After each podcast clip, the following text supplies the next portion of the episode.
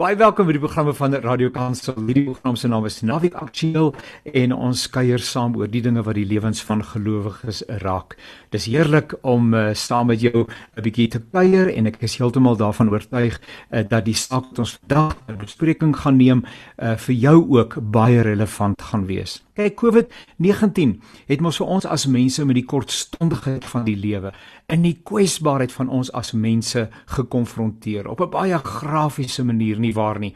Duisende mense het reeds in Suid-Afrika alleen die lewe verlaat. 10000de het siek geword. Honderde duisende mense se lewens is ontwrig. Waarskynlik tel dit in die miljoene.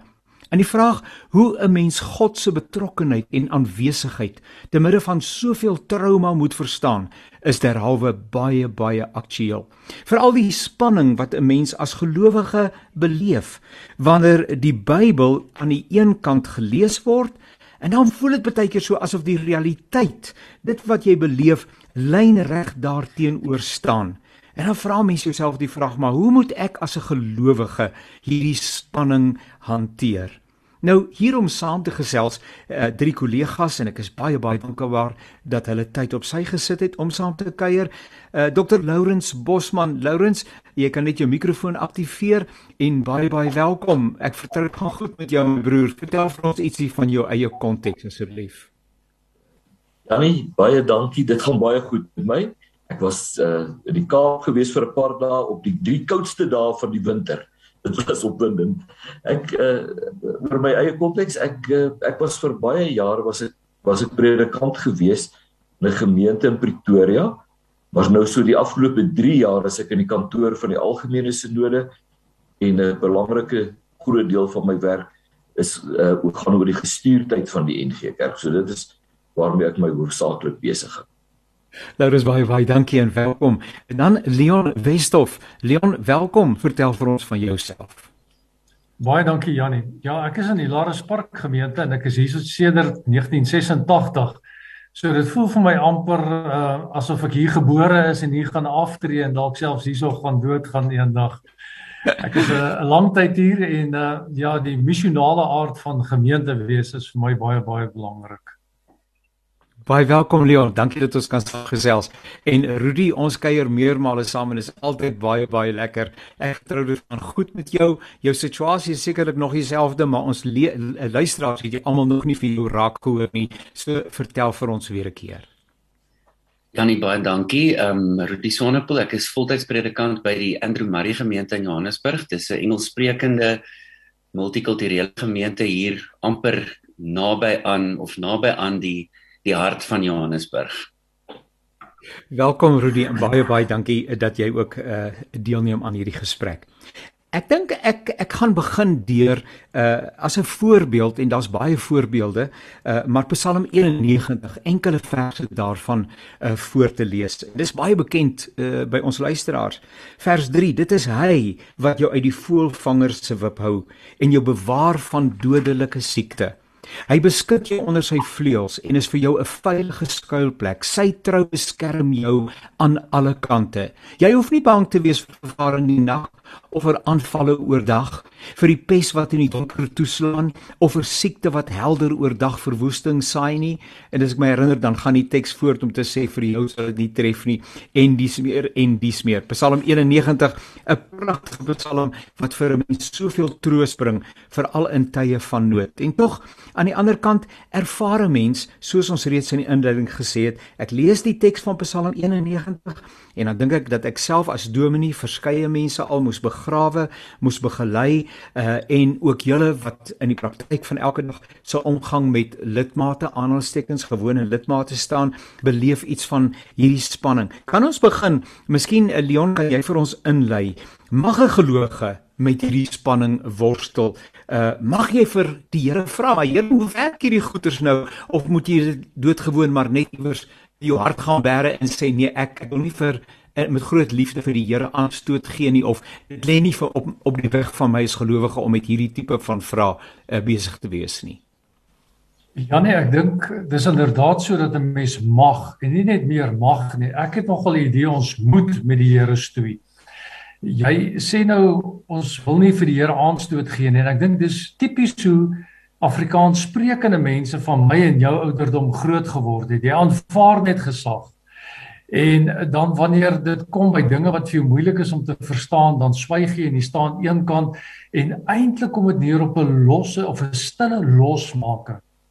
Terwyl as ek na die Bybel kyk en ek kyk na die Psalmboek waar jy aangehaal het, dan sien ek nie net een Psalm nie, maar ek sien baie psalms en dit is asof daar 'n geskakeerdheid is in hierdie psalms. Dit is soos 'n legkaart en daar's verskillende legkaartdele. En Psalm 91 ten regte dink ek bely geloof, amper op 'n absolute wyse. Maar daar's ander psalms ook en ek dink die Joodse kindertjies is van klein tyd anders groot gemaak as Afrikaans sprekende kindertjies. Want as ek nou byvoorbeeld na Psalm 13 kyk, dan sien ek dat hierdie persoon proteseer Hy proteseer teen die Here want hy kan nie verstaan hoekom hy so swaar kry nie. En die Bybel is ruim genoeg om stemme van protes en stemme van geloof en stemme van lof en stemme van klag albei almal te akkommodeer. Psalm 13 wat byvoorbeeld sê: "Hoe lank gaan U my nog bly vergeet, Here? Vir altyd? Hoe lank gaan U nog van my af wegkyk?" Hoe lank moet ek nog my eie planne maak en my my dae met kommer deurbring? So ek dink nie dis net 'n geval van mag nie, ek dink dit is 'n geval van moed. Dis deel van die Bybelse spiritualiteit om met die Here te worstel. En ja, Psalm 13 het nog volgende paragrawe ook waaroor ons mens net dalk ietsiekie kan sê. Dis 'n dis 'n geloofsreis. Maar hy begin met byna verwyte teenoor die Here, protes teen die Here. En ek dink dis deel van gesonde spiritualiteit. En dis vir my deel van gesonde spiritualiteit want dis my die voorbeeld wat ek in die Bybel kry. Nou Laurens en Rudy, uh Leon het begin deur ons ouderdom te betrek. Hy sê mense van my en sy ouderdom. Nou ek dink ons moet die ons moet die ouderdom een kant plaas.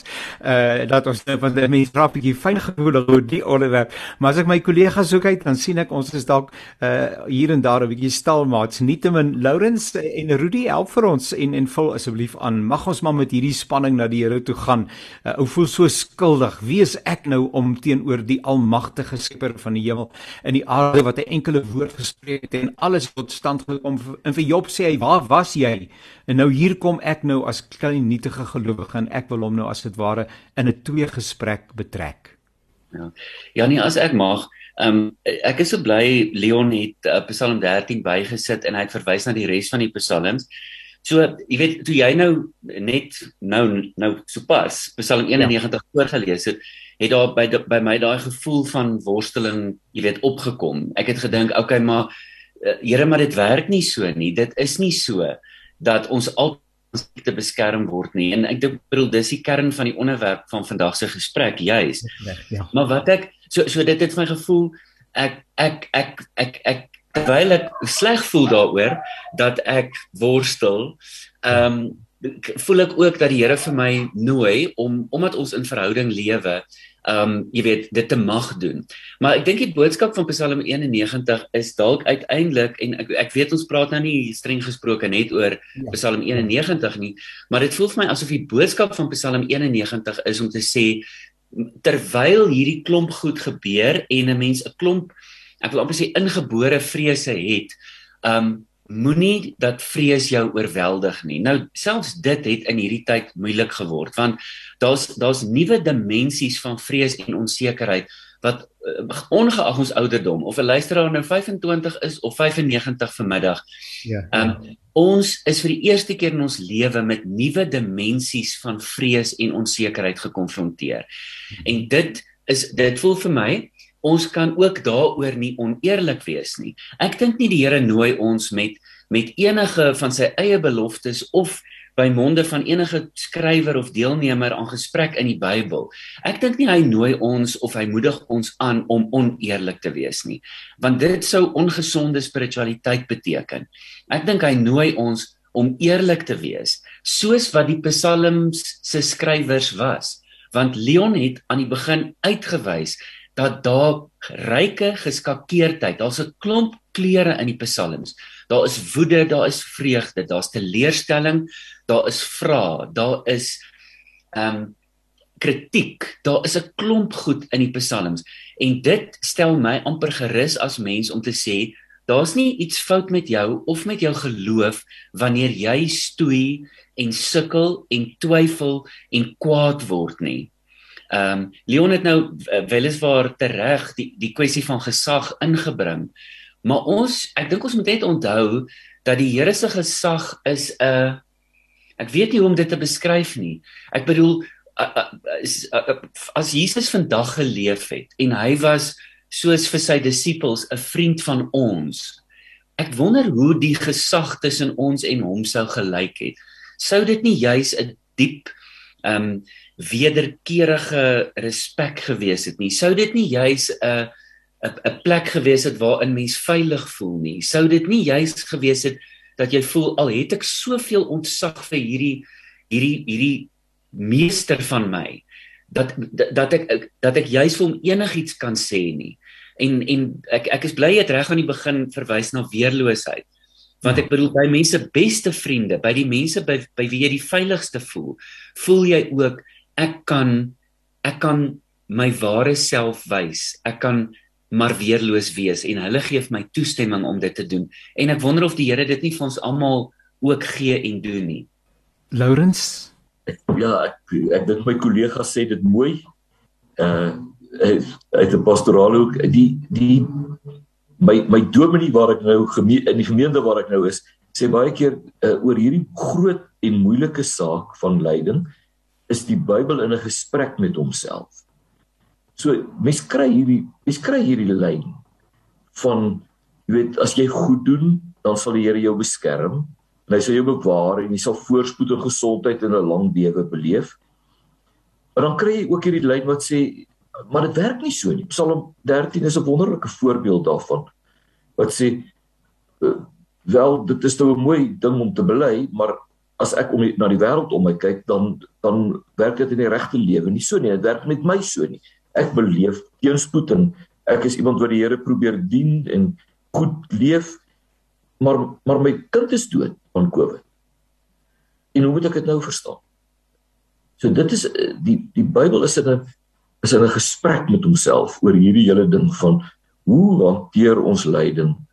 Hoe hoe moet ons daaroor dink? En ter, terwyl uh, my kollegas nou gepraat het, het ek so bietjie net so geblaai deur die psalms. Daar's daar 'n geweldige klomp psalms wat wat wat jy kan sê dis vertrouenspsalms.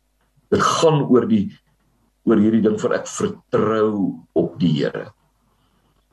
En iets wat my nou die afgelope tyd geweldig sterk opgeval het is om is hierdie ding dat dat die God wat ons aanbid, die God wat hom aan ons openbaar in Abraham, Isak en Jakob deur die geskiedenis en dan in Jesus en deur die geskiedenis van die kerk is 'n God op wie jy kan reken. Ons praat mos al van as die verbond uh God is 'n getroue God. Nou my my broer is 'n dosent in die klassieke in Grieks en in die klassieke nou praat ek baie keer met hom daaroor. Die die ou Grieks-Romeinse gode was nie so nie. Die dominante gode van die tyd wanneer uh wanneer Jesus op aarde is. Daai gode was nie so nie. Daai gode uh, iemand het daaroor gekyk the gods are frivolous. Hulle hulle is willekeurig. Die jy weet die noodlot, hulle hulle baklei onder mekaar en dan tref die noodlot een of ander arme mens. Mense is baie keer die slagoffer van die stryd van frivolous gods. En dit kry jy nooit in die Bybel. Ons jy weet as ons as ons praat van ons worstel met God, dan is dit nie iets wat in ons harte opkom. Dat God is willekeurig en ek kan nie op God reken nie en God is eintlik nie 'n goeie God nie. Ehm uh, jy weet in in baie van die ander godsdienste van die primitiewe godsdienste moet jy God as ware omkoop met jou offers. Jy moet sy goeie guns wen. Ons het God se goeie guns. Ons hoef nie daaroor te twyfel nie. Uh hy is die God van die verbond, die God van Abraham, Isak en Jakob, God wat ons leer ken uiteindelik ultimately in Jesus. Ons ken hom as die die getroue God wat ons liefhet. En daarom kan ons dan gaan met ons nood en ons pyn en met ons verwyd en met ons vra want ons weet hy's getrou. Ek is altyd baie dankbaar vir eerlike gesprekke en ek is die eerste om te erken dat ehm um, ten spyte daarvan dat 'n oue lang pad saam met die Here kom en dat 'n uh, eh, en dit in die bediening staan, hierdie vrae dikwels in my klere gaan sit uh veral wanneer jy uh te doen het met mense wat naby aan jou is. Ag enige mense wat uh, veral in hierdie tyd deur COVID-19 uh en die geweldige destruktiewe invloed wat dit het, het op mense se lewens uh, en dan nie net die fisiese lewens nie maar eintlik die totale maatskappy die totale samelewing wat getraumatiseer is. Dan dink ek baie keer by myself help my asseblief in die verband. Um God het vir ons 'n verstand gegee Hy het vir ons die vermoë gegee om te redeneer. En ehm um, maar maar ons redenasie vermoë en ek ek ek, ek redeneer ook nou myself. Ons redenasie vermoë het ook perke waar verby ons nie kan kom nie. Maar maar maar jy loop jouself eintlik maar altyd weer vas want hier is nie 'n antwoord wat ten diepste bevredig nie of is daar En moet 'n ou dan liewer net sê, weet jy, dis net in elk geval vermoeiend om oor hierdie goeters te dink en te worstel. Kom ek vat net kortpad en ek sê wat, dink wat, glo wat en verkondig wat. Uh, en en dan moet dan is daar weer een of ander insident ehm um, 'n gebou wat inplof soos in die onge, onge, uh, onlangse verlede in die FSA en baie mense wat begrawe is in die en uh, en dan vat dit daar en naderhand sloop hulle eenvoudig net dit wat oorgebly het van die gebou wat, en die meeste mense is nie eens opgespoor en weer is dit so dat ons weer en weer met hierdie realiteit gekonfronteer word en eintlik in hierdie lewe nie daarmee klaarmaak nie. Ja nee, ek ek wonder of deel van die probleem nie is dat mense eh, sou dink dat God is nie ook in lyding nie, maar dat God net teenwoordig is wanneer dit goed gaan met jou in voorspoed. Uh dat mense vashou aan God se beloftes, baie vroom, maar miskien 'n bietjie naïef en beloftes kry in 'n Psalm soos wat jy eers op die tafel gesit het, Psalm 91 en dan glo omdat hulle vashou aan die Here dan die Here is teenwoordig in hulle voorspoed. En dan word hulle getref met die met die realiteit, die werklikheid van die lewe waar iemand na aan jou dood gaan op watter wyse dan nou ook al of een of ander slegte ding kom oor jou lewenspad. En ek dink dit veroorsaak dan 'n bietjie verwarring en onsekerheid by die mense wat selfs kan lei tot ontnugtering. En ek ek dink as 'n mens dan die houding het van ek, ek gaan maar net stil bly en ek gaan aan, ek gaan nie meer worstel nie dan is ek bang dat 'n mens op 'n stil stil wyse jou eintlik losmaak van God. Terwyl ek dink ons moet God se teenwoordigheid ook in lyding raak sien. As ek nou maar die hele ballingskapsverhaal van die Ou Testament vat. Hierdie mense het absolute sekerhede gehad.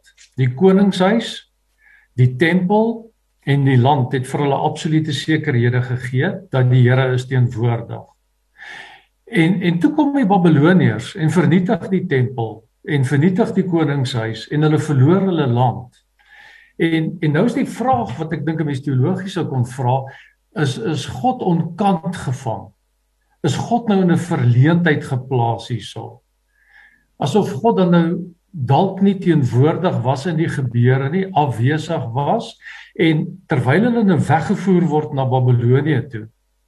Beteken dit dan dat God nie saam met die volk gegaan het nie, dat God nie meer daar as ek nou 'n Nuwe Testamentiese begrip kan gebruik, dat God nie daar Immanuel was nie, God met ons. Is God uitgesluit uit dit alles uit? En ek is baie huiwerig om om so 'n standpunt te probeer verdedig. Ek wil met my hele hart glo dat God teenwoordig was terwyl hulle Babilonie toe gegaan het en terwyl hulle daar was, was God teenwoordig. Die boek Daniël, die boek Ester in die Ou Testament getuig van my juis van God se teenwoordigheid in lyding. En dit is waarskynlik hierdie dualistiese denke van God is daar waar dit goed gaan. God is nie daar waar dit sleg gaan nie. En en eers het ons dit ingebring in ons Christelike geloof en ek dink dis verkeerd. Ek dink nie dis deel van die Bybelse boodskap nie. Kan ek net vir ons luisteraars sê, hulle luister na die programme van Radio Kansel. Hierdie program se naam is Navik Aktueel. Ons gesels oor die spanning wat ons soms beleef tussen dit wat die Bybel sê en wat ons lees, wat ons verstaan.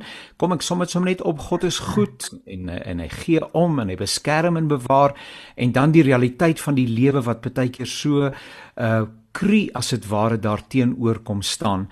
My uh, gespreksgenote is Dominee Rudy Swanepoel, uh, Dominee Leon Westhoff en Dr. Lawrence Bosman.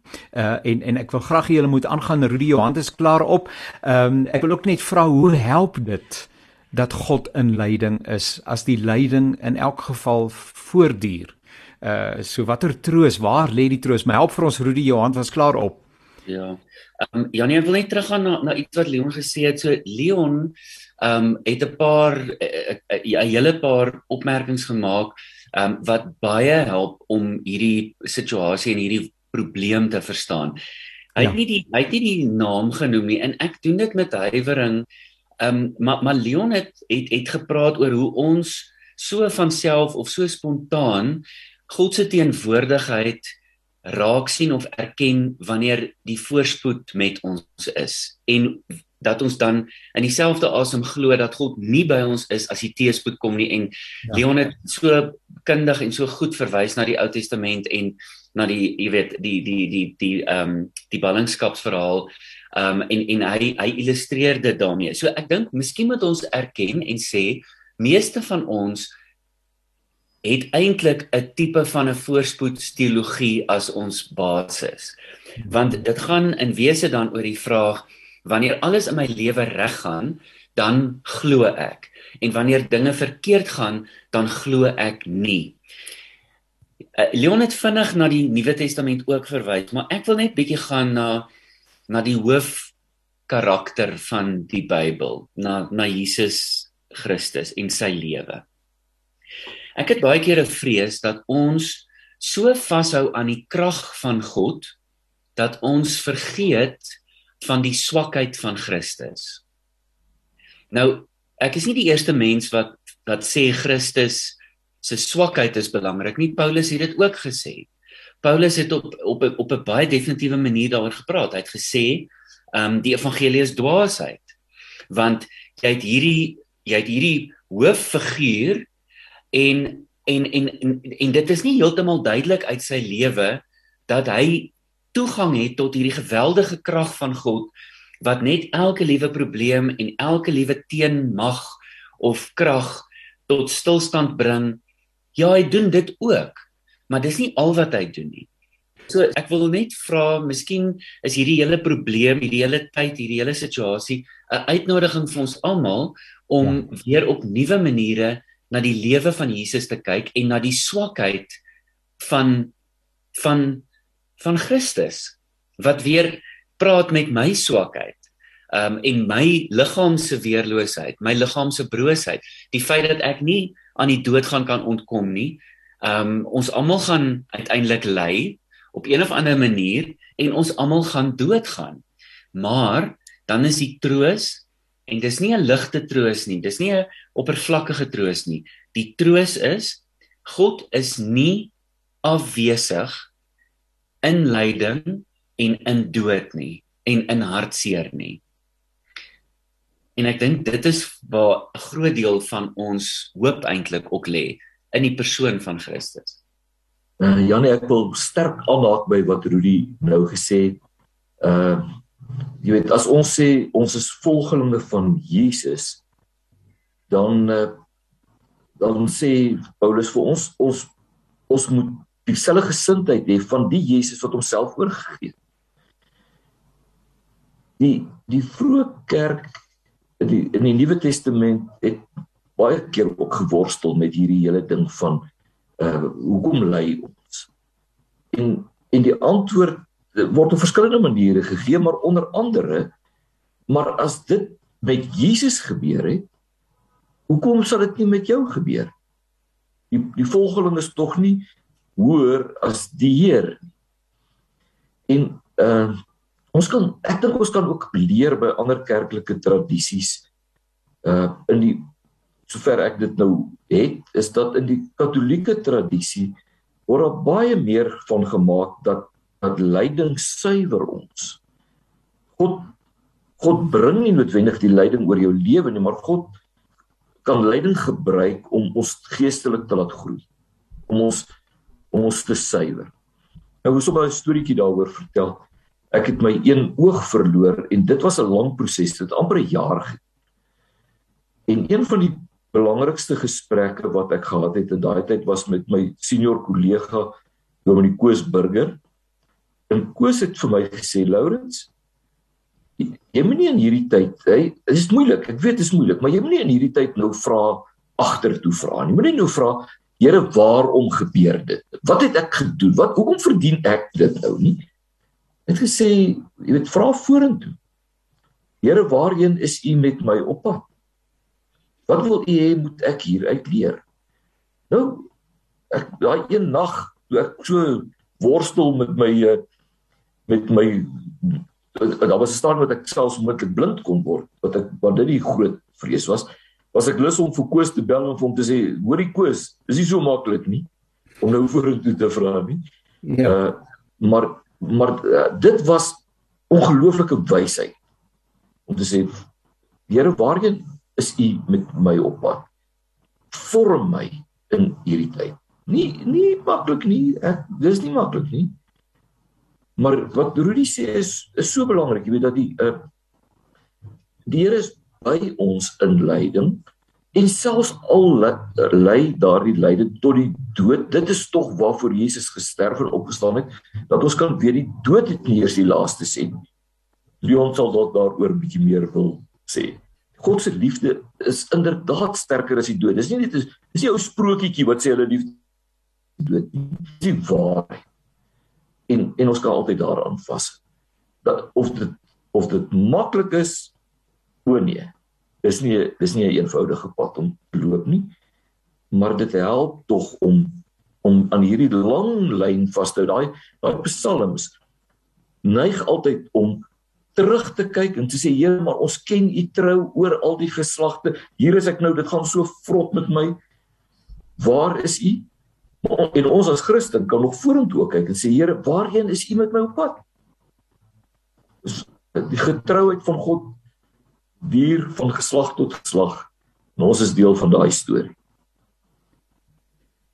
Kon jy uh, uh, Laurens, jy, jy het nou gesê om vorentoe te vra en dit is 'n en ek dink dit is 'n wonderlike middel hulpmiddel antwoord. Ehm um, ek kon jy antwoord formuleer of bly dit ook deel van 'n lewensreis? Uh, hoekom jy daai pad moes stap? Ehm um, ja, dis op 'n een om te sê maar goed, waartoe? Maar het kon jy 'n waartoe formuleer?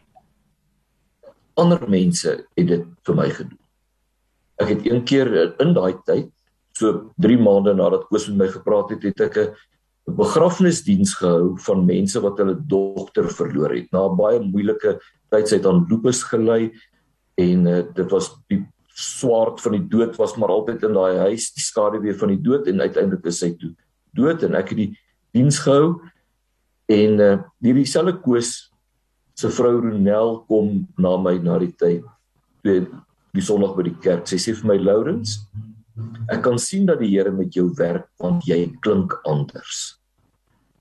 Ek weet nie hoe ek anders geklink nie. Ek maar ek, wat ek weet is ek het meer begrip begin kry vir mense wat wat deur sulke swaar kry uh, moet worstel. So en uh, en 'n ander kollega het op 'n ander stadium vir my gesê half uit die bloute Lourens die verlies van jou oog is 'n gift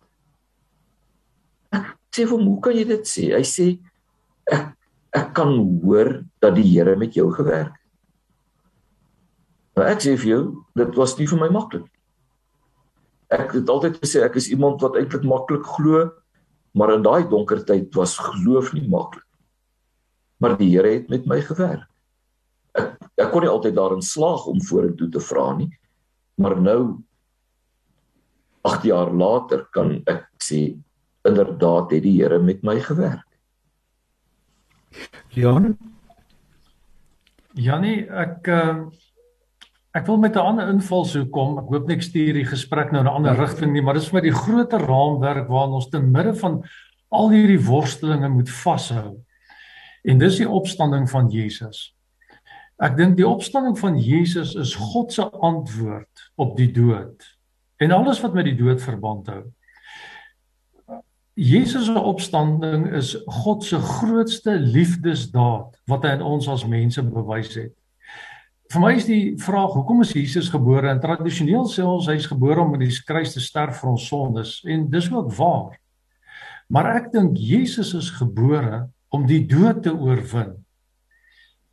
As jy mens nou byvoorbeeld na die Johannes Evangelie kyk en jy kyk na die eerste en die sewende wat die laaste wonderwerk is, dan begin die eerste ene met die feestelikheid van 'n bruilofsmaal. En hierdie laaste ene begin met die rousmaar van 'n roudiens van Lazarus wat wat dood is. Begin met lag en eindig met trane. En ek dink dis deel van die lewe.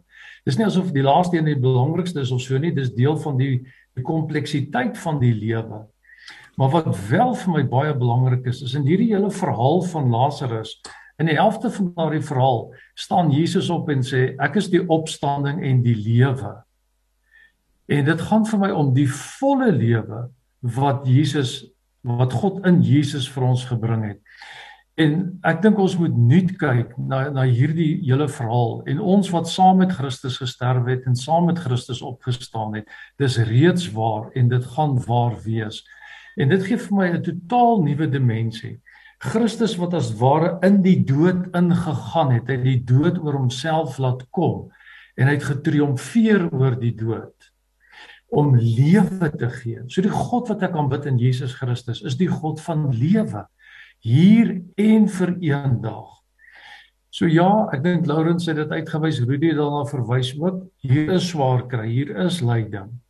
En ons worstel daarmee maar die dieper uh, betekenis waaraan ek vashou is die opstanding van Jesus waardeur God bevestig vir my dat hy die God van lewe is en dat hy lewe wil herstel dat hy lewe wil teruggee dat hy lewe in sy volkomendheid weer wil bewerk vir ons Ek herinner net weer u luister na die programme van Radio Kansel. Hierdie program se naam is Naweek Aktueel.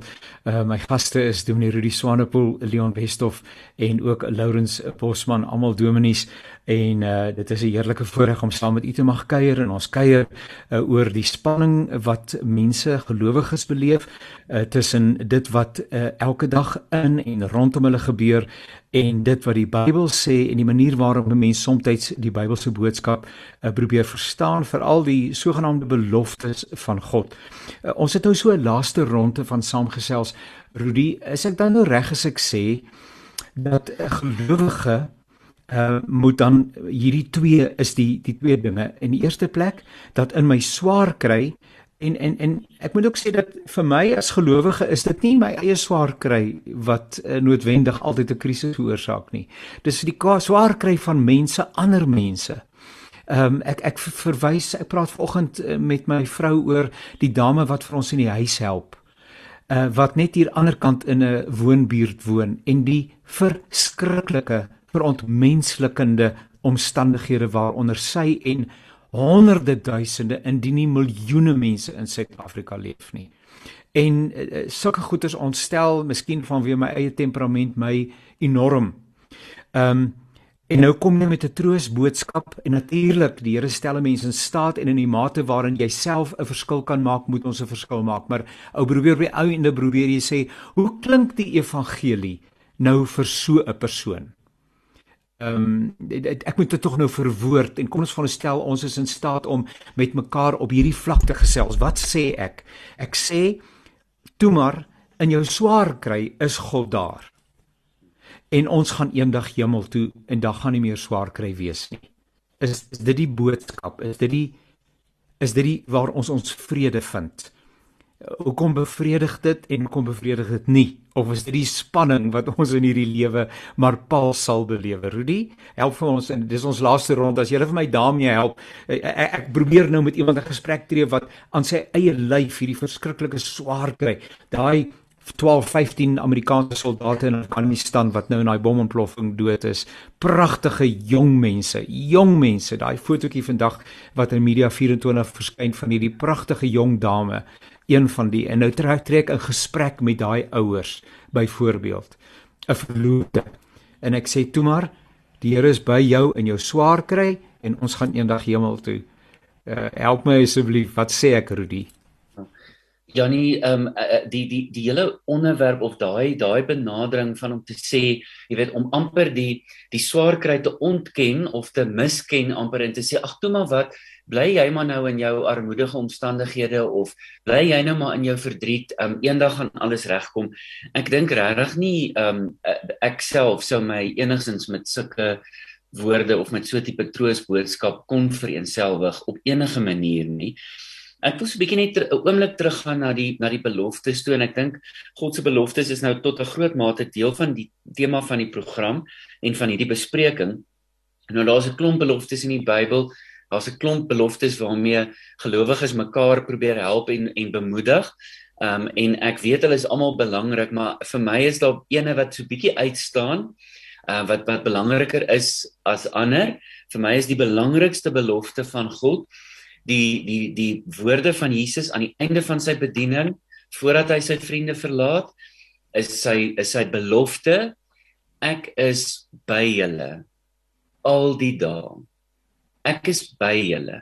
So vir my is dit die grootste belofte. Ek wil vinnig net sê toe Lourens nou nog gepraat het oor sy eie sin maak proses van daai stuk swaar kry in sy lewe, het die het die gedagte onwillekeurig by my opgekom wat Marita Martens al voorheen uitgedruk het in antwoord op die vraag Hoekom kry goeie mense swaar? Het sy gesê as ek dit reg het en as Marita luister, moet sy my vergewe. Um sy het gesê daar is nie 'n antwoord op die vraag nie, Maar swaar kry, elke soort swaar kry is soos 'n taal wat 'n mens aanleer. Mhm. Ek as Rudy ken nie die taal van die verlies van 'n oog nie. Ek ken nie daai taal nie. Maar Lourens ken daai taal. Dis 'n vrees wat hy mee bekend is. Maar daar's ander swaar krye hmm. in die lewe wat ek weer die taal van ken wat Lourens nie noodwendig ken nie. En ja. so is ons uiteindelik saam die liggaam van Christus wat mekaar uiteindelik kan help en kan bemoedig omdat ons uiteindelik mekaar se tale kan begin verstaan. Enige iemand daar, 'n uh, uh, Leon, laaste woord so maar maar neem jy kan gerus 'n minuut of 3 neem en reageer op op, op dit wat ek nou gevra het. Uh, wat is die boodskap vir mense in daardie omstandighede en uh, uh, swaar kry? Ja, seker 'n boodskap, nie die boodskap nie Janie, want ek weet nie of ek die antwoord het nie. Maar ek dink ek het in die begin reeds verwys na die protes. Maar wat ek ook raak sien is dat Jesus by uh die lyding van die die gesin in Betanië met die afsterwe van Lazarus dat Jesus gehuil het, né? Ek ek dink ons moet begin wegbeweeg om aan God te dink in magskategorieë. Maar meer ook dink aan die lydende God en die meelydende God God wat ook saam met ons swaar kry oor ons swaar kry. Hy is die God wat omgee. Hy is die God wat saam met ons in ons lyding staan. Ons het te veel van magskategorieë as die almagtige God en dat ons net in ons verhouding aan God dink in terme van daardie kategorieë. En ek dink ons het dit so bietjie geërf van ons Griekse voorvaders, ons het dit geërf van die uh van die Romeinse imperialisme En ons het nou by 'n punt gekom waar ons net hieroor moet nadink. Die Bybel praat van God as 'n as 'n meelewende God, 'n lydende God, 'n God wat saam met ons die pad stap. Maar dan hou ek vas aan die opstanding. En en hierdie woorde van Paulus is vir my so aangrypend in Romeine 8. Wie kan ons van die liefde van Christus skei? En dan sê hy lyding of benoudheid, met ander woorde hy erken die realiteit van lyding. Hy erken die realiteit van benoudheid. Hy erken die realiteit van vervolging, honger, naaktheid, gevaar of swaar. Paulus sê nie daai goed gaan nie daar wees nie. Hmm. Maar hy sê te midde en ten spyte van daardie dinge, niks, nie een van hierdie kategorieë gaan ons van die liefde van God kan skei nie. En op die ou en in 1 Korintiërs 13 sê hy die liefde vergaan nooit nie. En daarin vind ek my troos, daarin vind ek by my krag. Ek is nie tevrede met alles wat met my gebeur nie. Dit moet ek eerlik sê. Daarom proteseer ek. Ek kry swaar oor party goed wat met my gebeur. Ek kry swaar oor goed wat met ander mense gebeur. Maar ek gee my oor in hierdie hande van hierdie God wat sê ten spyte van hierdie goeters en te midde van hierdie goeters, hy gaan my nie laat los nie.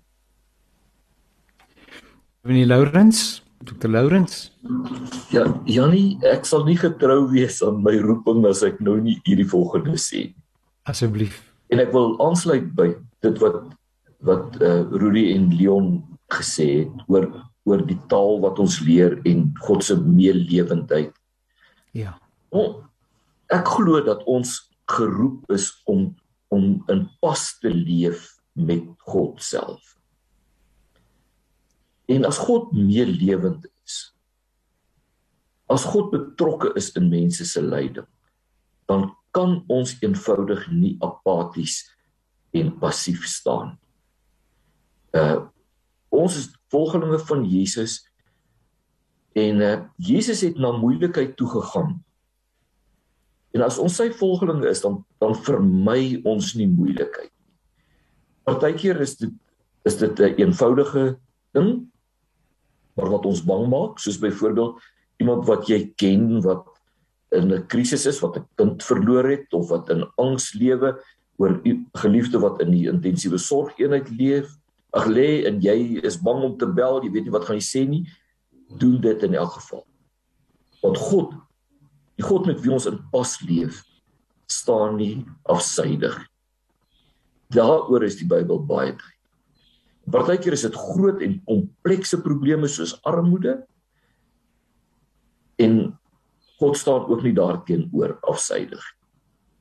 En daarom is dit baie belangrik dat ons as kerk kerke in Suid-Afrika nie ons hande kan was oor die groot probleme van die land.